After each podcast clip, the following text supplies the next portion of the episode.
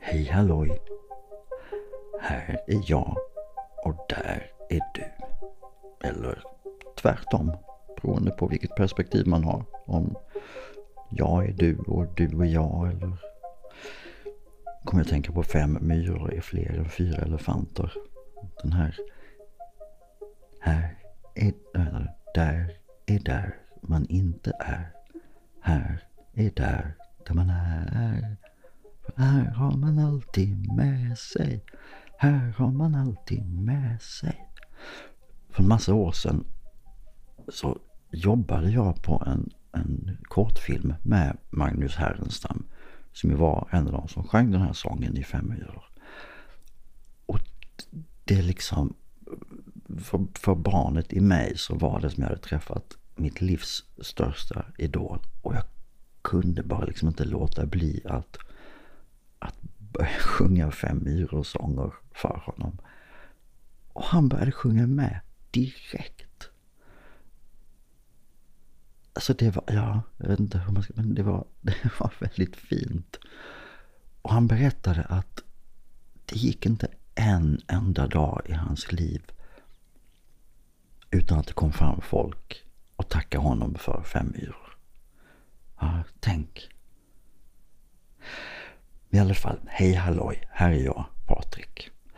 Och det här är Jag måste sova. Och det är podden som jag gör för att, för att du ska ha något annat än riktigt bra poddar att somna till. Så om vi gör så här att du börjar med att gosa in dig. Lägg dig så här riktigt skönt till rätta och se till så täcket inte prasslar. Jag kan sjunga lite till medan du gör det. Där är där man inte är. Här är där, där man är. För här har man alltid med sig. Här har man alltid med sig. Hom, bodom, bodom, bodom. Okej. Okay. Nu tänker jag att du har kommit till rätta så här. Så ett litet, litet eh, statement. En liten, eh, eh jag inte på ordet. Ett litet statement. Jag försöker ju när jag är här och vara liksom sådär lagom intressant. Inte för meningslös och inte för meningsfullt. Men som ett trevligt, varmt surr för dig när du ska somna. Men med det sagt så kan det ju vara så att jag någon gång kanske pratar om någonting som är väldigt intressant för just dig. Men du, lyssna inte för noga då. För du, du ska ju somna, eller hur? Utan se bara till att komma ihåg att nej men han ska bara vara här och surra för mig. Och du, du kan alltid lyssna på det här imorgon igen när du är pigg. Jag brukar ju säga det. Jag kommer att säga exakt samma sak imorgon som nu. Och sen har jag en liten, liten önskan, en liten förfrågan och det är om det finns någonting som du tänker att du skulle vilja höra mig fundera över. Provprata lite grann för att använda Björnsson Navids uttryck. Så i beskrivningen till avsnittet så hittar du en länk till mitt eh, Instagram.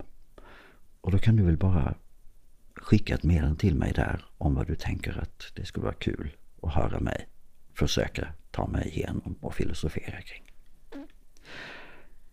Mm. Jag vet inte riktigt exakt som vanligt vad det kommer innehålla idag för jag har ju en, en lista. Eh, men, men jag ska faktiskt börja med att berätta om just idag. Och idag är den 28 februari. Och idag så kom mitt första riktiga vårtecken. Och det bestod i att jag kunde prov, provfilma utomhus för första gången i år. I tunn skjorta bara. Eh, det är för mig ett tecken på att nu är våren här. Eh, så här är det med provfilmningar att jag är nog lite okonventionell där. För att när man får de här beskrivningarna till eh, eh, när man ska göra sin provfilmning så brukar det alltid stå så här. Filma mot neutral ljus bakgrund. Betyder i princip en vit vägg. Eh, och det funkar ju bra i Sverige. Vi har väldigt mycket vita väggar. Men jag tycker själv att det är så fruktansvärt tråkigt med de här eh, vita väggarna. Och så när jag hade flyttat ut här på landet så insåg jag att jag hade en massa fantastiska miljöer runt omkring här där jag bor. Bara till exempel här ute på mitt trädäck så kan jag vända kameran i tre, fyra riktningar Eh, och filma i det. Eller så kan jag gå ut i hagen, grannens hage där det går hästar. Det har jag gjort vid ett par tillfällen när jag har gjort provfilmningar för sådana här riktiga hillbilly-karaktärer. Eh, jag har en sjö, jag har Vombsjön bara en kvart härifrån. Med en jättefin strand, fin liksom bakgrund. Eh, jag har skogen här runt omkring. Ehm, och jag tänkte att ja, men jag gör det här och så får väl min agent i så fall säga till mig att du, du måste ha ljus bakgrund. Men istället så fick jag höra att jag gjorde väldigt fina eh, self-tapes ur ett rent tekniskt perspektiv. Så jag har bara fortsatt med det. Eh, och idag då så kunde jag för första gången i år vara utomhus i tunna vanliga kläder och göra en provfilmning i varm skön sol. Helt underbart. Eh, just det här med, med den här vita bakgrunden. Jag har en teori till varför man vill ha det så. Men, men jag tänker inte ge mig in i sånt tekniskt micklemang här. För att det är ganska, jag tror det är ganska ointressant för alla som inte gör det. Men i vilket fall så ibland så utbildar jag eh, skådespelare. Antingen yrkesverksamma skådespelare eller de som går på våra scenskolor runt om i landet. Och jag utbildar dem då i filmskådespeleri. Och då brukar vi ha en halv dag ungefär med eh, det som kallas för, den, den, typen av provfilmer som jag gör hemma, det kallas för self-tape. Eh, och det är ganska nytt i Sverige och det är någonting som, som folk känner att inte de har riktigt behärskat det nu. Och då gör jag så att innan kursen sätter igång så får de i uppgift att göra en self-tape där hemma. Och där har inte jag gett några instruktioner till det tekniska eller med vad de ska ha för bakgrund eller någonting. Eh, och så får de en liten scen de ska förbereda och sen så skickar de den till mig och så tittar jag på det och sen när vi har vår self-tape halvdag så, så jobbar jag med grupper om sex stycken personer samtidigt. Så tar jag upp alla de här sex stycken self-tapesen på, på eh, stor eh, projektorduk och eh, och då har man sex stycken personer med vita, grå, dassiga vita bakgrunder. Eh, och det ser verkligen ut som den här nidbilden vi har av gamla tiders mentalsjukhus.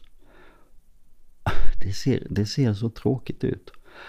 Och därför är också min strategi lite grann här. Inte, inte bara med att jag tycker att det är kul och, och sticka ut och göra provfilmningar på andra sätt än bara sitta här hemma. Eh, och det är att om då en människa sitter där och ska gå igenom, jag vet inte, låt oss säga kanske på en dag gå igenom 70, 80, 90, 100 provfilmningar. Och av de här 100 provfilmningarna så är 99 stycken mot vit bakgrund. Och så bara poff så dyker jag upp där med varm skön natur eller en faluröd trävägg eller en vacker sjö. Så tror jag att man liksom bara så, oh, oh vad skönt för ögat. Så tänker jag. Och jag tror att andra också tänker så. Så det var ett tips från, eh, från coachen där om du kanske själv håller på med skådespeleri. Just det, det var ju det här vad jag kommer att prata om idag. Eh, och som sagt, jag vet inte. Vi ser här, det står här. Det har stått här innan också, så jag tänker inte läsa igen. Men jag skulle vilja ge mig på att berätta en improviserad saga. Och den sagan, en de enda grejer jag ska ha som guidning där är att ha några ord som ska finnas med i sagan. Men problemet är att jag inte kommit på de där orden och jag är lite rädd för att bara sätta igång och improvisera en saga. Jag skulle kunna säga den första meningen för att alla sagor börjar med Det var en gång. Det var en gång en man med de så kallade grå tinningarnas charm. Mm, vi får se. Det kanske inte blir någon saga idag. Eh, blyghet. Den har stått här ett tag nu. Kan man ju undra varför. Eh, helger, vidskepelser. Eh, The Ark på Hultsfredsfestivalen. Mitt tecknande. Mm. Den tror jag faktiskt att jag skulle vilja prata om. Mitt tecknande. En dag på landet, ja, det har jag också stått här ett tag. En promenad från mitt hem till torget i Vollsjö. Ja, kanske. Eh. Jag tror faktiskt att jag börjar med att prata om mitt tecknande och se om jag kan få ihop det.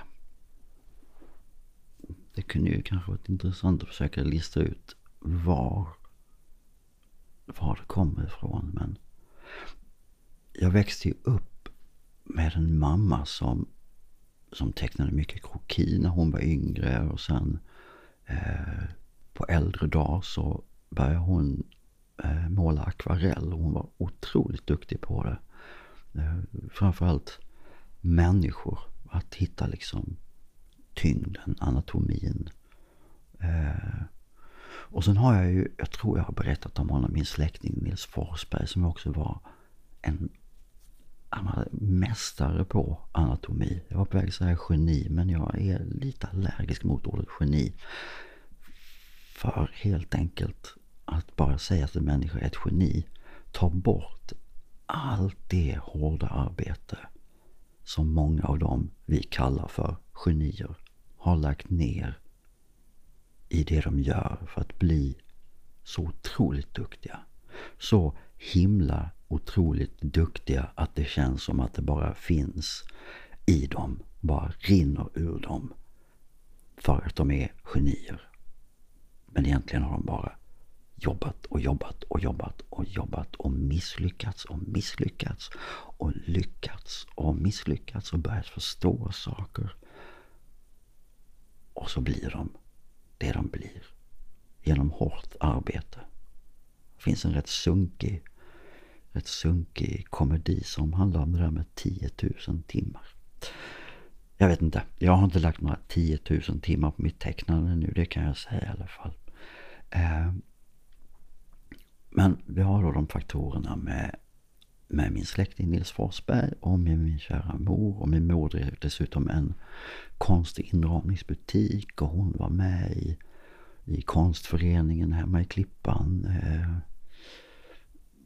vad fan finns det mer för någonting? Jo men hon omgav sig med några av hennes vänner var olika former av konstnärer. Eh, keramiker, målare. Eh, heter det målare? Men det måste det göra. Konstnär brukar vara det här ordet vi använder för någon som gör målningar eller teckningar. Men konstnär är väl egentligen alla de som jobbar inom konstnärliga yrken. Eh, jag känner att jag, jag glider lite på ämnet här. Men i alla fall, det finns också en faktor till och det är att jag i alla tider har varit väldigt, väldigt fascinerad av den nakna kroppen, av människokroppen. Av andra skäl när jag var yngre än själen är nu. Eh, jag tycker det är någonting fascinerande med nakna människor. Att att alla människor i princip, jag kan väl säga det utan förbehåll, alla människor finns det skönhet i. Oavsett form eller färg eller storlek eller ålder. Eh, och någonstans där, jag undrar om inte det var så att det började när jag hade läst Nils Forsbergs självbiografi lite grann att men kan han så kanske jag också kan lite grann. Eh, och så började jag teckna. Eh, och det gick så där kan jag säga. Det blev inte så himla bra. Men alltså gick det blev ett misslyckande. Men sen så gjorde jag en till och en till. Och envishet är en dygd, säger jag. Jag är inte bara, jag är i många avseenden otroligt envis. Eh, på gott och på ont. Jag tror det är människor som tycker att jag är en väldigt, väldigt jobbig människa på grund av min envishet. Och andra som nog tycker att det är rätt coolt att jag är så envis som jag är. Eh, men I alla fall. Sen tog det fart det här med mitt tecknande när jag hade flyttat ut här på landet. Eh, problemet var ju bara att, kan man säga så här, att bo i Vollsjö. Där det för några år sedan var registrerat strax över 800 personer. Och man har en knapp timme till närmsta ställe där man eventuellt skulle kunna hitta en krokikurs. Så är det inte så lätt att hitta modeller. Ni kan ju själv föreställa er reaktionerna på om jag skulle lägga upp i vår lilla grupp, Vollsjögruppen på Facebook, att, att jag söker nakenmodeller i lilla Vollsjö. Mm, jag tror det de flesta hade nog kunnat misstolka det. Eh, så vad hade jag då att tillgå? Jo, men jag hade då nätet. Fick bli min, min eh, bästa kompis. Men jag ville ju teckna människor med former. Former och veck och, och, och kantigheter och så här. Men om du då går till internet och söker på Naked Old Woman. Jag tror du får samma bilder i huvudet som var de som dök upp på Google när jag sökte på dem. Men skam den som ger sig. Envishet är en dygd. Så jag sökte och jag sökte och jag försökte lägga till smartare ord och till slut så hittade jag faktiskt en sajt som var just eh, nude, nude poses for artists och sånt där. Det hette inte så men typ så. Där man hade fotograferat folk i en massa, massa olika vinklar i olika poser. Och där hittade jag riktigt bra eh, bilder att jobba med för mina teckningar. Och det gick framåt. Jag tyckte att ja, men det här ser ju faktiskt inte så dumt ut. Det börjar till och med likna foto som jag målat av. Eh, och som de flesta så kämpar jag med händer och fötter. Alltså inte att jag kämpar med mina händer förut utan händer och fötter på dem jag skulle teckna av. Det är någonting jag blivit lite bättre på men det är fortfarande klurigt det där med framförallt fingrar. Alltså. Eh, också av en händelse mannen som är fascinerad av nakna kroppar. Ni kanske inte tycker att det är en märklig händelse att jag helt plötsligt sommaren 2018 tror jag det var eh, började åka till naturistbadet i Yngsjö. Men eh, det finns en lång historia bakom. Inte så lång historia men ingenting som jag tänker ta upp här. Men jag började åka på naturistbad och trivdes väldigt bra för att är det någonstans 99% av de som är där inte bryr sig om kroppar så är det på ett naturistbad. Sen finns det de där männen, för de är nog alltid män. Väldigt solbrända, ganska välutrustade mellan benen. Och oftast helt renrakade där nere också. Och de står väldigt gärna precis nere vid vattenbrynet och skjuter fram liksom paketet och försöker se sådär nonchalanta ut. Som att här står jag bara och trivs med utsikten. Men de är undantagen. Eh, de alla andra är inte som dem. Eh, så det är någonting väldigt befriande med att vara där. Eh, och eh, jag hade packat med mig så jag hade fika och så hade jag faktiskt så här tänkt att men kanske kan jag få möjlighet att teckna av någon där väldigt snabbt utan att de märker det. Ehm, så jag hade med mig ett, ett litet skissblock, eh, så här A5 tror jag det var i storlek. Ehm, A5 eller tagg, ja men A5 var det nog. Och just den dagen så är det en familj eh, som är där och mamman i familjen är väldigt, väldigt, väldigt stor. Alltså väldigt, väldigt stor. Eh, om vi skulle gissa på en vikt så en bra bit över 100 kilo. Alltså kanske 150 kilo, jag vet inte. Men ni förstår, en, en väldigt, väldigt stor människa. Och hon är naken. Och jag har aldrig sett någon vara så fri. Alltså, hon förhåller sig till sin omgivning som att hon... Som att alla är hennes... Jag vet inte, jag kommer på något bra ord här. Hon bara utstrålar en enorm frihet. Som jag tänkte att... Jag tror inte, jag undrar om hon hade upplevt samma frihet om vi hade satt på henne, eller om hon hade satt på sig en bikini eller baddräkt och varit på den andra stranden som inte är naturistbad. Jag tror bara det var någonting där med, med den friheten. Och hon i alla fall satte sig i vattenbrynet och, och lekte med sitt barn. Och jag tänkte här har jag min chans. Och upp med blocket snabbt som tusan. Och jag bara visste om att jag har jättelite tid på mig. För att hon kan lika gärna resa sig upp om fem sekunder och gå härifrån. Eller gå tillbaka till, till sin handduk där uppe på stranden. Och då blir det ingen skiss. Och den skissen håller jag fortfarande som något av det mest levande jag har gjort. Bland de teckningar jag har gjort. Och nu, nu ska jag inte säga att jag har gjort jättemycket teckningar genom åren. Det kanske är... Jag vet inte.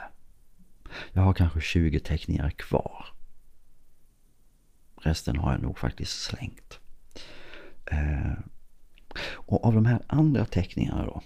Så en del av dem finns bara egentligen på grund av någonting som hette litteraturrundan. Och jag vet inte om det finns fortfarande men en ganska, ska man säga, en, en mindre genomtänkt variant av konstrundan som vi har här nere i Skåne varje år vid påsk. Och det skulle hållas grejer i Vollsjö med, med, med litteraturrundan och vi var ett gäng som gick ihop, ett par stycken här från Vollsjö och lite folk från överallt. Och vi skulle vara i den gamla, helt fantastiska Vollsjö mölla. Och det var bestämt redan från början att våra verk skulle inte vara skrivna verk utan de skulle ha en koppling till, till skapandeprocessen inför att ett verk är färdigt. Och då tänkte jag att, ja men eftersom jag var i full gång med tecknarna och tyckte det var roligast som fanns då. Så tänkte jag, men då ska jag, då ska jag göra teckningar som är huvudkaraktärerna i romaner som inte existerar. Men då blev jag utmanad av en person som tyckte, ja men du det är inte speciellt spännande eller kul. Skulle du inte kunna utöka den här grejen till hur de här karaktärerna dör? Och hur menar du, tänkte jag. Jo, men att du skriver, du skriver den biten i den icke-existerande romanen när den här personen dör. Och sen så, har du din teckning bredvid som en illustration på den här karaktären. Och det tyckte jag var väldigt spännande. Och blev väldigt nyfiken på om jag skulle kunna göra någonting av det. Eh, och gick genast igång med att skriva. Och då hade jag inte valt vem det skulle vara. Eh, av mina teckningar. För att jag hade en del teckningar klara redan då. Utan jag satte igång och skriva en riktigt, riktigt eh, kall klinisk beskrivning av hur en människa har hoppat ut från ett tak på ett hyreshus. Vilken hastighet människan kommer upp i innan skallen krossas mot asfalten och bla bla bla bla bla. bla. Otroligt hemsk historia. Eh, men den betydde liksom ingenting för mig egentligen utan det var bara ett första försök. Och så tänkte jag okej okay, men, men vem är det som har dött då? Och tittade på mina teckningar och så var det den här lilla runda farbrorn som, som satt på en pall. Och tänkte att, är det han? Och i det ögonblicket som jag bestämt mig för att det var han så blev det helt plötsligt väldigt... Då kom det väldigt nära. Det blev liksom lite hemskt för att jag hade precis tagit livet av honom. Det blev liksom ganska ganska personligt. Men jag blev triggad av det och tänkte att ja men det är det här jag vill göra och började skriva, jag vet inte hur många det blev, sju, åtta stycken skisser och historier. Eh, och bland annat så var där en, en kvinna, en äldre, lite knotig kvinna med håret på ända. Eh, jättegullig liten kvinna som jag hade tecknat av. Och jag valde att kalla henne för Astrid. Och jag tänkte faktiskt att jag skulle ta och läsa just den texten som jag skrev till Astrid för att den är inte, den är inte så hem, alltså den är inte, den är inte som mannen som hoppade ner från hyreshuset i sin karaktär i den här historien. Så nu ska ni få höra kapitlet när Astrid dör. Och det här är hämtat från den aldrig utgivna, aldrig skrivna romanen Astrid som trodde att hon inte fanns. Astrid slog sig ner i stolen på balkongen, satte kaffekoppen på bordet. Hon kände sig så nöjd. Hennes sinnrika och åh så subtila plan hade till slut burit frukt. Hon hade varit på gränsen till att ge upp fler gånger än hon vågade räkna. Men den som trott att Astrid var en sån som gav upp vid minsta lilla motgång skulle få anledning att ompröva denna uppfattning. Om hon hade valt att berätta för någon om sina ansträngningar vill säga. Att få se sina barn sitta vid samma bord igen i glatt och kärleksfullt samspråk fick hennes hjärta att svämma över. För detta var beviset på att även ruttnande och stora sår går att läka. När Astrid satt där på balkongen och tänkte på detta märkte hon hur det rann tårar ner för hennes kinder. Men inte tårar sprungna ur sorg och förtvivlan, utan ur glädje och tacksamhet. Tänk att gråt kan kännas så angenäm, tänkte hon. De här tårarna tänker jag inte torka bort eller glömma. Dessa tårar är glädjens diamanter. Hon tog en klunk av det nybryggda kaffet. När hon satte ner koppen var det som att något glimmade till i hennes ögon. Och den väldigt uppmärksamme hade också kunnat registrera att hennes kropp väldigt långsamt och knappt märkbart liksom sjönk ihop en aning. Sen stannade allt. Hennes blick hade fastnat någonstans långt bortom och långt mycket närmare kaffekoppen som hennes ögon var riktade mot. Blicken hos en död människa är inte tom. Den är död. Frånvarande. Inte längre där. I samma ögonblick som livet lämnar kroppen slutar ögonen att registrera. Från balkongerna på andra sidan gatan såg det ut som att Astrid satt och funderade över något. Något som skänkte henne glädje. Och för en minut sedan var det precis så. När hon var yngre, innan döden blev en naturlig del av hennes liv, så som den blir för en äldre människa, hade hon alltid tänkt, låt mig dö snabbt. Som äldre hade hon formulerat om denna tanke till Låt mig dö lycklig. Och kan du tänka dig? Hon fick båda. Hon dog med glädjens diamanter rinnande ner för kinderna och med ett leende på sina läppar.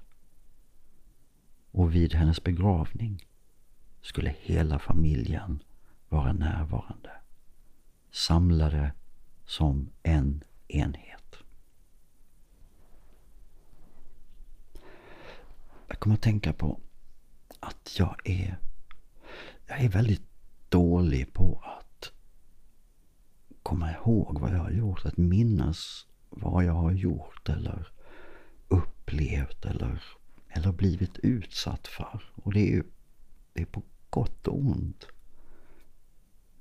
Det sägs ju att när vi blir gamla så det enda vi har kvar det är våra minnen. Och är det så, då ser jag en blank ålderdom. Faktiskt. Det är sorgligt för ibland så, så möter jag människor, vänner från förr, som har så tydliga minnen kring samtal eller saker vi har gjort. Och jag ah, jag, jag vill ju inte att de ska känna att, att jag inte värdesätter det också. Det gör jag, för när jag hör dem berätta om det vi har gjort så hör jag att det är helt fantastiska saker. Men jag minns det inte.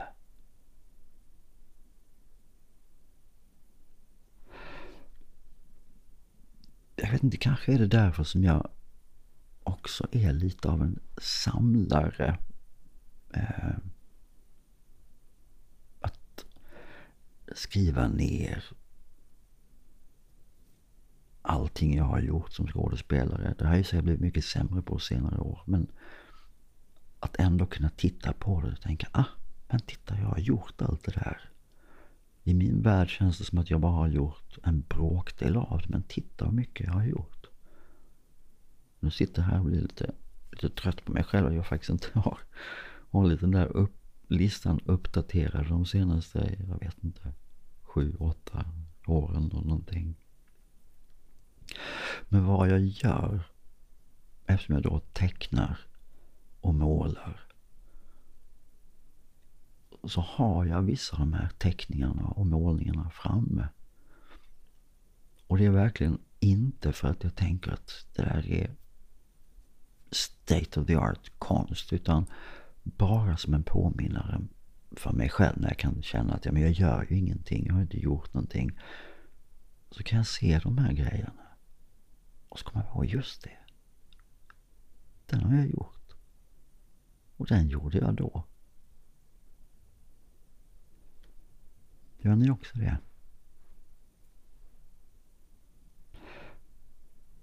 Tänkte det kan vara kanske dags att bara checka in och kolla så hur det går för dig. Om du känner att det är lite problematiskt att somna.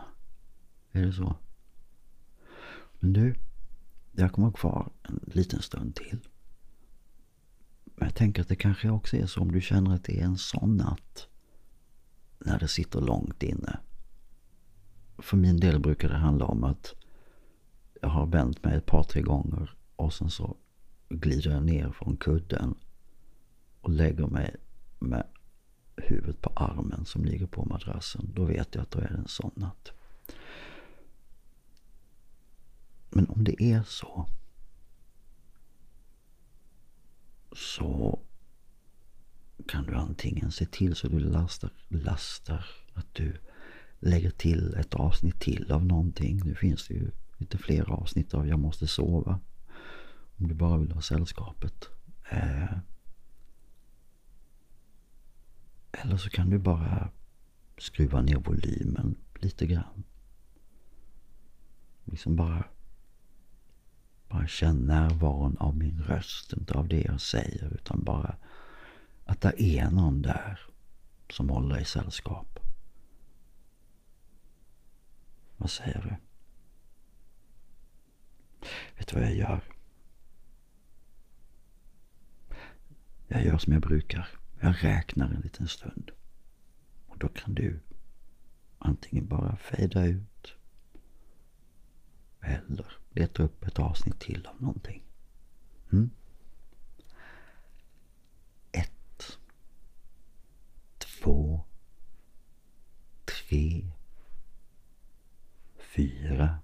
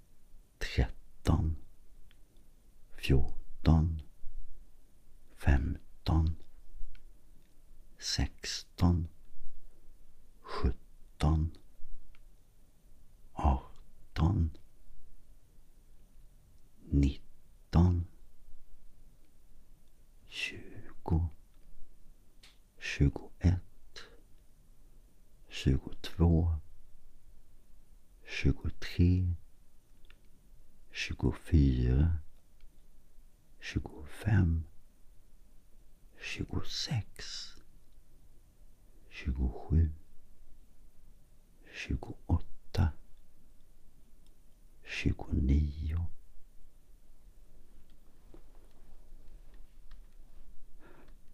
nu då när jag kände den här första riktiga vårkänslan så förstod jag också att nu är det inte så långt kvar. Kan jag snart lägga i ordning de gamla SJ-pallarna där ute. Lägga på de där stora tjocka dynorna och ut med kuddarna och fram med det stora parasollet. Och sen är sommarkontoret inrätt. Och så är det. Jag tillbringar väldigt mycket tid ute på mitt trädäck på sommarna.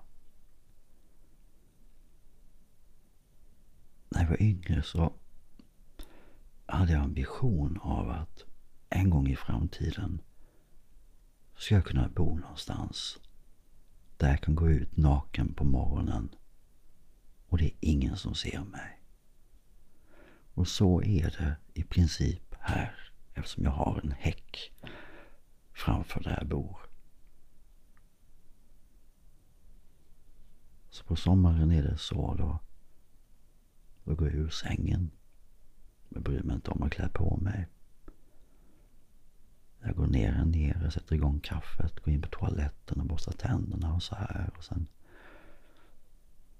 fixar min frukost. Och sen så sätter jag frukost och kaffe på en bricka. Tar med min iPad. Och så går jag ut och lägger mig på de här dynorna som Gud har skapat mig. Lyssnar lite på nyheterna, läser lite grann. Antingen från en bok eller från dagstidningarna, men helst från en bok. Och så gör jag varenda morgon jag kan. Så startar den på det här viset. Och jag tror inte du blir förvånad om jag säger att lite inspiration till att göra så här kommer från stoikerna. Som pratar om att man ska äga sina morgnar. Alltså att du själv bestämmer starten på dagen.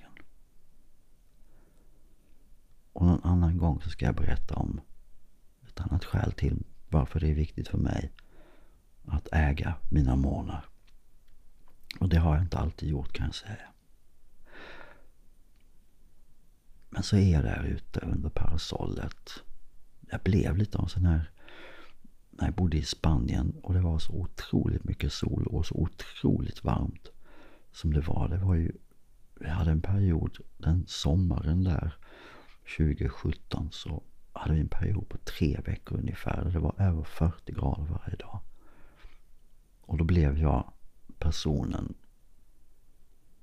som gick i skuggan hellre än i solen. Och det stannar kvar vid mig. Det sköna är ljuset och det sköna är värmen. Men sen så kan jag ju fortsätta dagen där ute på de här dynorna. Med att skriva eller att läsa. Vad det nu än kan vara som ligger framför mig jobbmässigt. Eh, tänka. Jag vet inte om jag har berättat det här förut, men jag vet att jag har pratat om Bodil Jönssons bok Tio tankar om tid. Och där berättar hon ju det att, om jag tror jag har berättat det, men strunt samma. Att om hon behövde tänka, behövde, hon lever fortfarande vad jag vet. Men i alla fall då så gjorde hon så att då ringde hon till växeln och så sa hon om det nu är någon som söker mig så är jag upptagen. Men jag är inte upptagen i ett möte, jag har inte gått för dagen. Utan jag sitter och tänker. Så det vill jag att du säger till den som ringer och söker mig. Att Bodil sitter och tänker. Och tänk denna lilla klokskap, den här ganska stora klokskap som det ligger i det tankesättet. Att för att kunna göra någonting och för att kunna göra någonting bra så måste vi ha tid att tänka. Det innebär för en utomstående att du bara ser ut som att du sitter där och gör ingenting. Men egentligen så är det full rörelse där inne. Det där med att tänka förresten. Jag tänker också att man behöver liksom tänka lagom mycket ibland. För att försöker man forcera fram någonting, då låser det sig. Och då kommer du inte komma fram till någonting. Men om du istället gör dig tillgänglig för dina tankar. Att du, som jag till exempel, eh, när jag skriver på manus och så här. Då brukar jag göra mig tillgänglig för historien. Vilket innebär att jag gör mig tillgänglig för mina tankar. Att jag kan vara lite grann upptagen med någonting annat. Men hela tiden lyhörd för när det undermedvetna knackar på och säger att du, jag har kommit på någonting nu. Är du intresserad av att lyssna? För att annars så glömmer vi bara bort det. Mm finns ju inte så mycket mer att berätta där om mina dagar på däcket. Det låter ju hur slappt som helst men det är det är en dröm faktiskt att kunna få ha möjlighet att leva livet på det viset att jag faktiskt kan vara på mitt trädäck en hel dag och göra både fritidsaktiga saker och jobbmässiga saker. Och hänga tvätt utomhus. Oh. hur mysigt är inte det? Gud vad jag längtar till första dagen jag kan hänga ut min tvätt här ute. Mm. Ska vi säga så?